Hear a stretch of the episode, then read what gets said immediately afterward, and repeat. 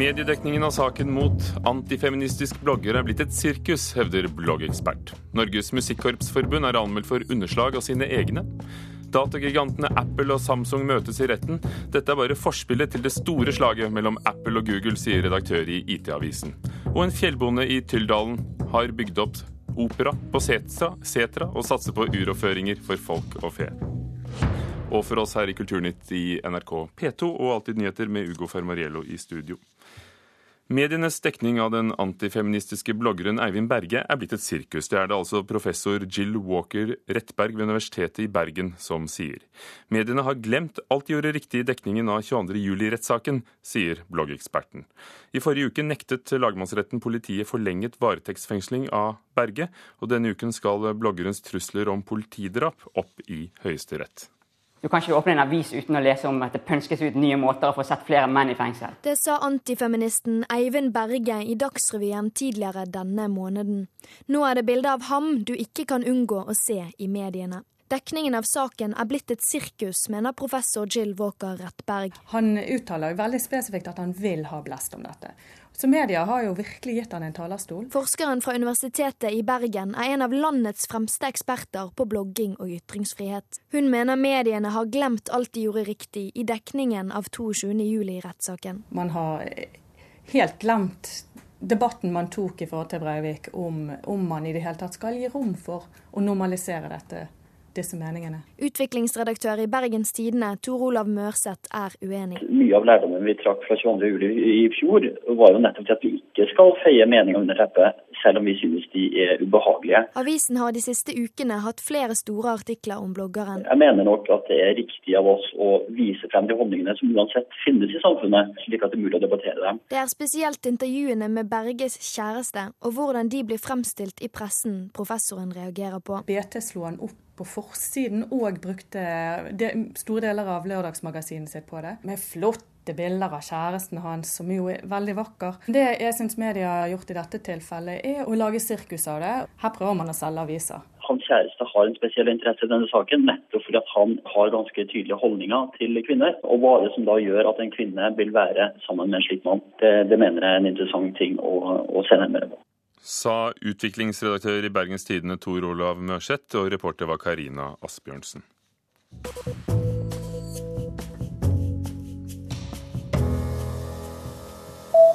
Vitenskapsjournalisten i det amerikanske magasinet The New Yorker, John Alerer, har sagt opp stillingen sin etter at han har innrømmet å ha diktet opp sitater av artisten Bob Dylan i en bok han har skrevet. Boken heter Imagine How Creativity Works. Tenk deg, sånn virker kreativiteten, og den har solgt i mer enn 200 000 eksemplarer og er blitt nå trukket fra markedet. John Alerer har skrevet flere populærvitenskapelige bøker om psykologi og nevrobiologi. USAs myndigheter er bekymret over at journalister i Mexico er blitt et mål for organisert kriminalitet. Viseutenriksminister William Burns sier det er urovekkende at journalister blir rammet av vold og trusler. Siden 2000 har 82 journalister blitt drept i Mexico, og 15 er savnet, ifølge menneskerettighetskomiteen i landet. Norges Musikkorpsforbund er anmeldt for underslag for over to millioner kroner. Buskerud krets mener forbundet sentralt har tatt ut penger uten lov. Musikkorpsforbundet har suspendert hele styret i Buskerud. Lillian Bjerke er den suspenderte lederen, og mener det er snakk om ulovligheter. Og vi får eh, da se at det har gått ut to millioner av kontoen. Og Da er det faktisk generalsekretæren som har beordra ansatte til å ta ut de pengene som ikke har engang signeringsrett på konto underslag, mente Buskerud krets, og gikk til politiet med en anmeldelse. Det føltes ikke godt. For eh, vi er jo glad i organisasjonen vår. Men eh, vi hadde prøvd å oppnå å få kontakt før. Det gjorde vi ikke. Men det stopper ikke der. Konflikten mellom Buskerud og eget forbundsstyre har ført til at hele kretsstyret nå altså er suspendert. Og Buskerud har svart på sin egen måte.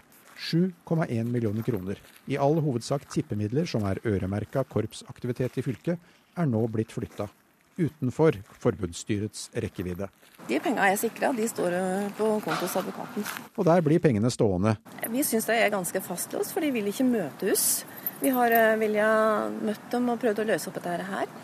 I stedet så blir vi bare truga med suspensjon. Susette Påske er visepresident i Norges Musikkorps Forbund.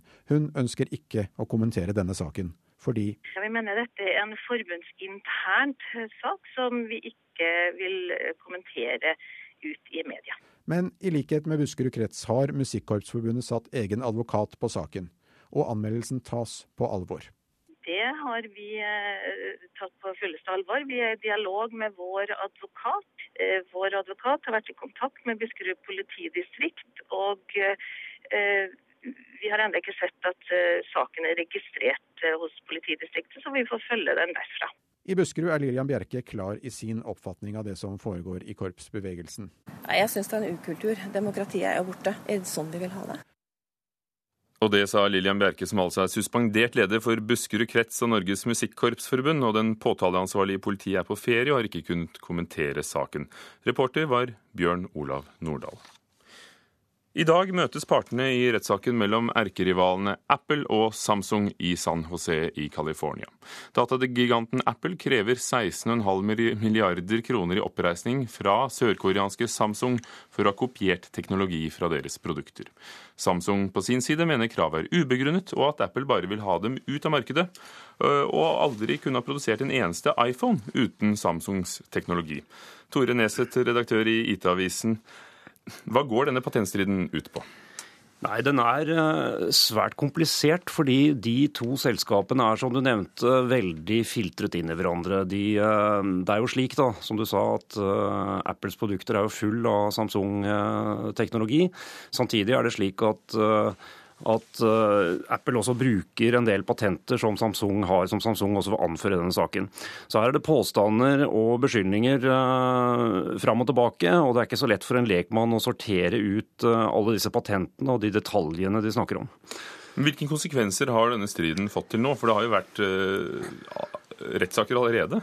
Ja, det har fått store konsekvenser både i USA og Europa. Eh, I USA har vi sett at eh, en av mobiltelefonene deres, som da ikke blir berørt i denne saken, blir berørt i en senere rettssak, eh, Nexus, som, Samsung har laget sammen med Google. har blitt forbudt å selge midlertidig.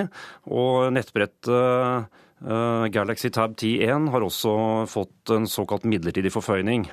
Det er jo denne, dommeren Lucy Co i USA som har vært svært streng på dette og har gjennomført eh, disse tingene. I Tyskland så har jo også eh, nettbrettet 10.1 blitt forbudt, men det ble da løst ved at Samsung lagde en sånn eh, ekstra modell som de kalte for 10.1N, som de da fikk lov å selge. Mens da et annet og mindre nettbrett som heter 7.7 er da forbudt i Tyskland. Så du kan si at her ser det foreløpig ut som Apple trekker det lengste strået, men vi får se på sikt hvordan dette ender. Dette blir jo verdens største patentsøksmål denne omgangen, altså 16,5 milliarder kroner krever Apple i oppreisning.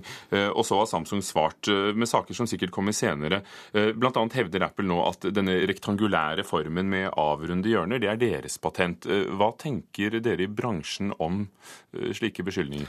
Nei, Sett fra et journalistisk synspunkt og sett fra kan du si, et fornuftig synspunkt, så virker jo dette rimelig absurd. Og sett med norske øyne, ikke minst. fordi uh, i Norge så er vi jo ikke vant til denne type uh, patentsaker. Uh, det virker jo på meg i hvert fall som om det her er snakk om, om, å ta patent på ideer og konsepter som er ganske allmenne. F.eks. det å lage et nettbrett hvor man da bruker fingrene på å peke på noe, og så skjer det noe. et konkret eksempel jeg kan nevne som er fra denne, denne saken, er jo det at Apple mener da at Samsung har kopiert det konseptet med at man tar et bilde, og bildet flytter seg inn i en database, og at du igjen kan flytte dette bildet da f.eks. til Facebook. Det er jo ganske allmenn ting som enhver eh, mobiltelefon og ethvert nettbrett vil ha. Og, nettbrett har jo vært med oss, og pekeskjermer har vært med oss ganske lenge, og lenge før Apple eh, begynte med det.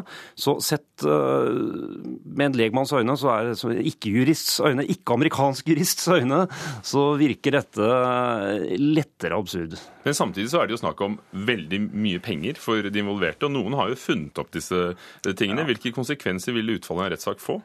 Det vil jo, hvis, hvis uh, Apple får gjennomslag på alle punkter, så å si, hvilket jeg, vi får tro at de ikke får det, men, men hvis, hvis, de gjør det, så vil det jo bli et effektivt saksforbud mot uh, de av Samsungs produkter som Apple mener tilsvarer deres produkter.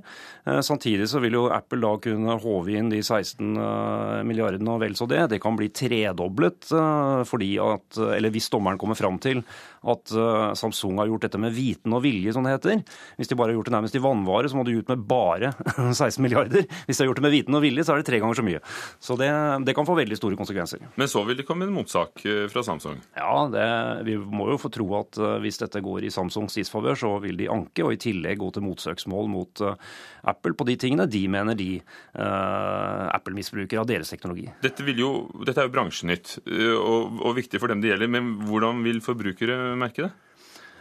Foreløpig så har jo tyske forbrukere og amerikanske forbrukere merket det med disse midlertidige salgsforbudene, selvfølgelig, som ikke er helt patente, fordi du kan kjøpe fra andre kilder, andre land og nettbutikker osv. Eh, men norske forbrukere har jo ikke merket noe til det hittil. Og jeg vet jo fra tidligere saker at eh, norske forbrukere, det skal mye til før norske forbrukere merker noe. Det ble jo nedlagt et salgsforbud mot eh, Sonys spillkonsoll PlayStation 3 for en tid tilbake også, uten at vi merket noe til det på europeisk nivå, altså. Så, um, Men så hvem vinner saken, da? Apple eller Samsung, denne som begynner i, i dag? Nei, det, det, det, vil jeg ikke spå om. Det, det, er, det, nesten umulig å si. Men jeg kan ikke tro at uh, Apple får gjennomslag på alle punkter, i hvert fall. Det ville virke noe merkelig på meg. Takk skal du ha, Tore Neseth, redaktør i IT-avisen. I dag møtes altså Samsung og Apple i retten i California. Du hører på Kulturnytt, en del av Nyhetsmorgen i NRK P2 og Alltid nyheter, og klokken nærmer seg kvart over, kvart over åtte. Hovedsakene i nyhetene i dag. Norge kan spare fire milliarder kroner hvert år ved å halvere antall kommuner, ifølge en rapport fra tankesmia Civita hovedstedet man kan spare, det er på administrasjon. Og så vil man kanskje få noen stordriftsfordeler ved at eh, det blir noe større enheter på, på utdanning og sykehjem, eh, at du trenger færre ordførere og færre rådmenn og færre politikere. Eh, men det er nok særlig da innen eh, byråkratiet hvor man da kan kutte litt. Sa forfatter eh, av rapporten Ove Vannebo. I Uganda er 14 mennesker døde som følge av ebolaviruset. Totalt 26 tilfeller av sykdommen er bekreftet. Det fikk i går Ugandas president Yoweri Museveni til å holde en fjernsynstale til nasjonens 35 millioner innbyggere. I den berømmet han legene som har klart å påvise sykdommen, samtidig som han altså ba uganderne om å være årvåkne og unngå håndtrykk og sex, Afrikakorrespondent Lars Sigurd Sunnanå. Og i går spilte Patti Smith i Trondheim. Vår anmelder har vært der og forteller alt om det siden i Kulturnytt. Opera til fjells er en ny bigeskjeft for en fjellbonde i Østerdalen. På en setervang i Tyldalen i Nord-Østerdal har en bonde bygd egen opera sammen med seterfjøset. Kom, akkurat, kos, kos, kos, kos, kua. Arne Eggen lokker på kyrne sine på Sætra Søstu Eivangen. 800 meter over havet, i Svarthamerlia i Tyldalen i Nord-Østerdal, har mjølkebonden bygd et eget operahus. Opera di Setra. Altså, jeg liker opera. Det er punkt én, da.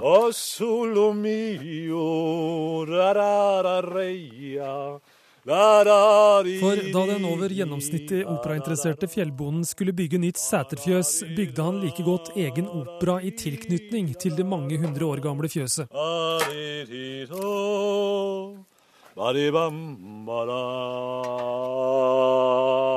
Det er ikke helt ferdig ennå, skjønner du. Skjønner. Og det ser du. Men det skal i hvert fall bli klart til helga. Det var to muligheter. Enten å restaurere opp igjen full melkeproduksjon på sommerstid, eller å gjøre noe som var fryktelig morsomt. Og da falt naturlig valget på opera, for det er jo akustisk. Og eh, opera passer jo så godt på i, i teaterlandskap. Dette opptaket er fra en konsert han arrangerte på fjelltoppen Abelvola sist helg.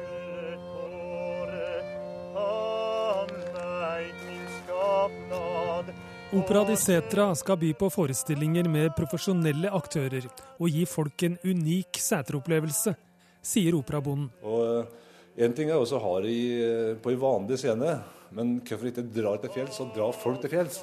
Og så kan folk òg få oppleve eh, det seter, seterlivet. Akustikken ble bra. Du kan teste den her. Hallo, vær velkommen hit til seters. Vær velkommen, vær vår gjest. Operaen er bygd med store vinduer fra gulv til tak. Ved små konserter kan folk sitte inne. Ved store kan taket løftes av og deler av veggene fjernes, og publikum sitter ute i det naturlige amfiet med Østerdalsfjella rett imot. Nei, Hun sitter her. Vi hadde gravemaskin eh, for 14 dager siden og dandert her litt av bedre sitteplass for publikum. Utenfor Sæteroperaen har han bygd en balkong med mjølkespann. Hvor mange timer og penger han har brukt på å få operaen ferdig, vet han ikke helt. Han vil ha klang oppi mjølkespannet? Ja, mjølkespannet har nesten like god klang som scena mi. Arne Eggen håper Sæteroperaen vil bli en attåtnæring. Men kan det lønne seg å ha en opera langt inn på fjellet? Ja, det er jo Jeg håper jo at det skal gi litt mer til oss etter hvert. da. Foreløpig er det bare utgifter. As for the rest, all hold them crooks. Til helga er det klart for operaforestillinger, og bonden håper på full setervogn. Ja, jeg satser på dobling til i fjor, og da er vi oppe i 500. Master of the house, of the child. Planene framover for den ferske operasjefen er klare. Så det er å utvikle dette videre, og det er å få en kammeroppsetning eh, forhåpentligvis neste år. Og i 2015 har vi, har vi planer om en uroppsetning av en ny opera. Først må jeg ærlig innrømme at jeg syns det er en ganske vågal idé da, til en helt standard eh, norsk mjølkebonde å begynne å sette i gang med sånt. Sønnen Lars, som er utdannet operasanger og bor i Trondheim, sier Opera di Setra er så spesielt at det vil trekke både profesjonelle aktører og publikum til fjells. Ja, det tror jeg. Jeg tror uh, Opera di Setra er såpass unikt at uh, ja, jeg tror det er mange som vil være ganske nysgjerrig da, på hva det egentlig er for noe.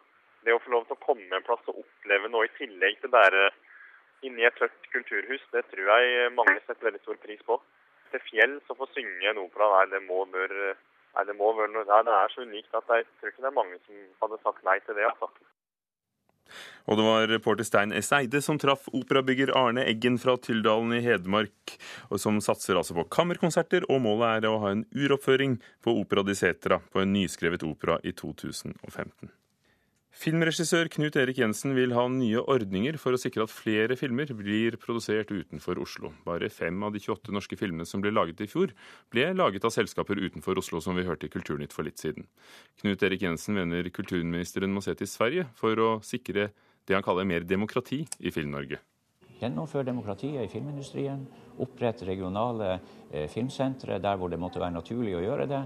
Bygge opp kompetansen og miljøet, sånn at de som vil være igjen, kan gjøre det. Knut Erik Jensen er nordnorsk filmregissør, og er bl.a. kjent for filmen 'Heftig og begeistra'. Han mener de regionale filmsentrene slik de er i dag, ikke løser problemene. Der skal det nemlig kun være dokumentar og kortfilm, og det overlever man ikke lenge på, sier Jensen. Han mener Norge har noe å lære av vår nabo Sverige. Det var nemlig der Jensen fikk støtte for sin nyeste film.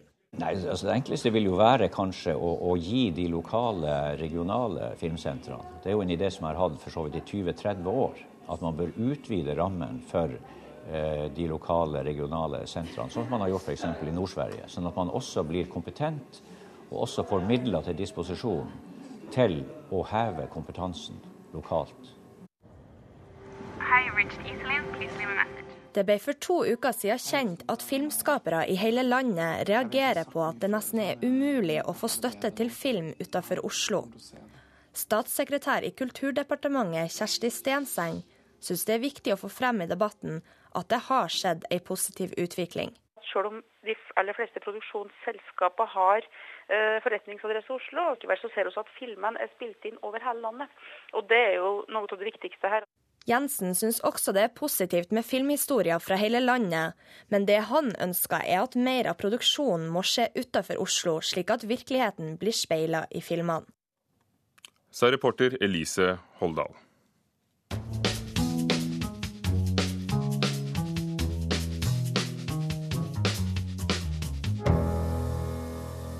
Det er noen ting med dama òg, liksom. Det er noe med Hun er sånn der sånn power-dame, da. Så det, ja, hun er et sånn personlig forbilde òg. En rocker av rang. Musikken hennes har betydd kjempemye og gitt meg veldig mye. Sa begeistrede trøndere som i går fikk besøk av Patti Smith. Grand Old Lady av punkrock. Hun signerte bøker, nemlig selvbiografien Just Kid, som også er kommet på norsk, og spilte konsert i Trondheim under Olavsfestdagene i går. Denne kulturpersonligheten fra New York eh, helt siden begynnelsen av 70-tallet vandret i går helt naturlig rundt i Trondheim. I liked it immediately. Actually, I liked it even before I got here. I just felt such a optimism and good spirit, and uh, there's beautiful parks and everyone is friendly. So uh, I like it very much, and the bridge is beautiful. Broen er nydelig, sa Patti Smith. Robert Setevik, du var i Borggården der Patti Smith spilte i går. Var alle så snille som Patti Smith sa de var? Ja, uh, Patti Smith kom til sine egne, og det var drøyt 4000 av dem. Og etter at Anne Grete Preus hadde gjort uh, sitt sett, så var det altså duka for den snart 66 år gamle rocklegenden fra USA.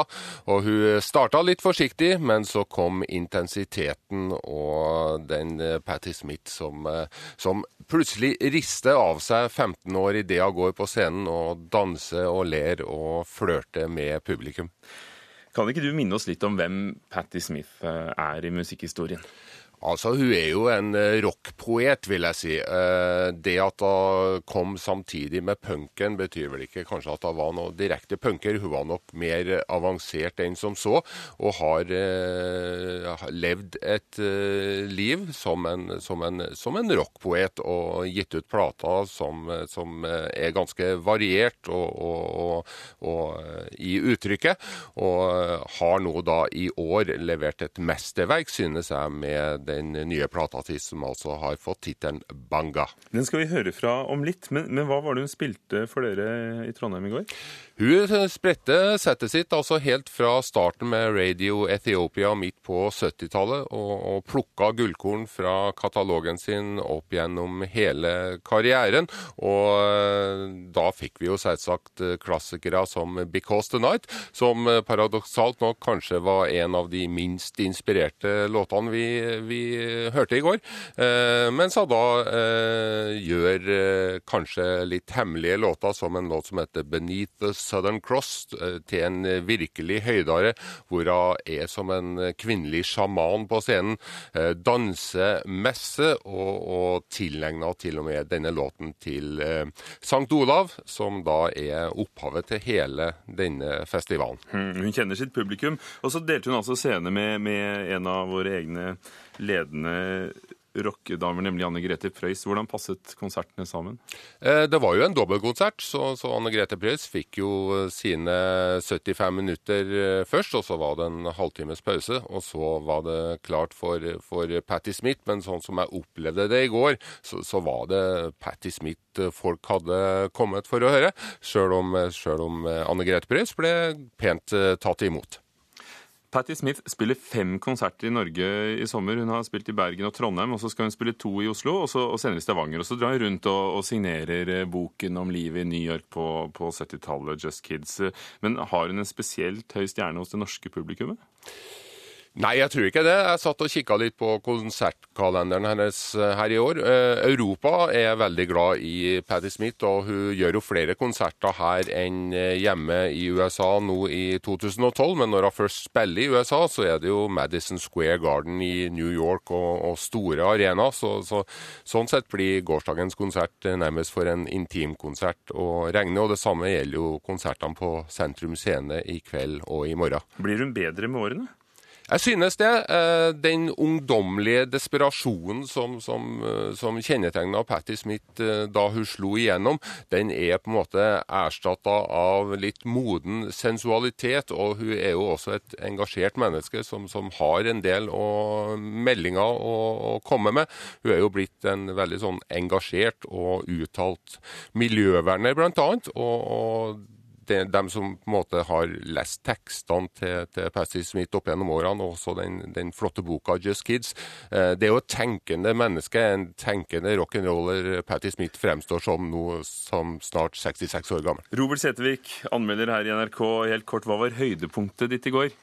Jeg synes faktisk den flotteste låten var tittellåta fra den siste plata, og jeg skulle gjerne hørt flere fra den. Nå ble det med tre, og eh, tittelkuttet Banga ble levert i en utrolig flott versjon på konserten. I Kulturnytt i dag har vi hørt at mediedekningen av saken mot en antifeministisk blogger er blitt et helt sirkus, hevder bloggeksperten, mens Bergens Tidende forsvarte seg. Norges Musikkorpsforbund er anmeldt av sine egne for underslag, og datagigantene Apple og Samsung møtes i retten. Apple saksøker Samsung i verdens største patentsøksmål for 16,5 milliarder kroner. Og så blir det seteropera i Østerdalen. Espen Hansen var teknisk ansvarlig. Halvor Haugen, produsent, og Ugo Fermariello, programleder. Du hører på Nyhetsmorgen i NRK P2 og Alltid nyheter.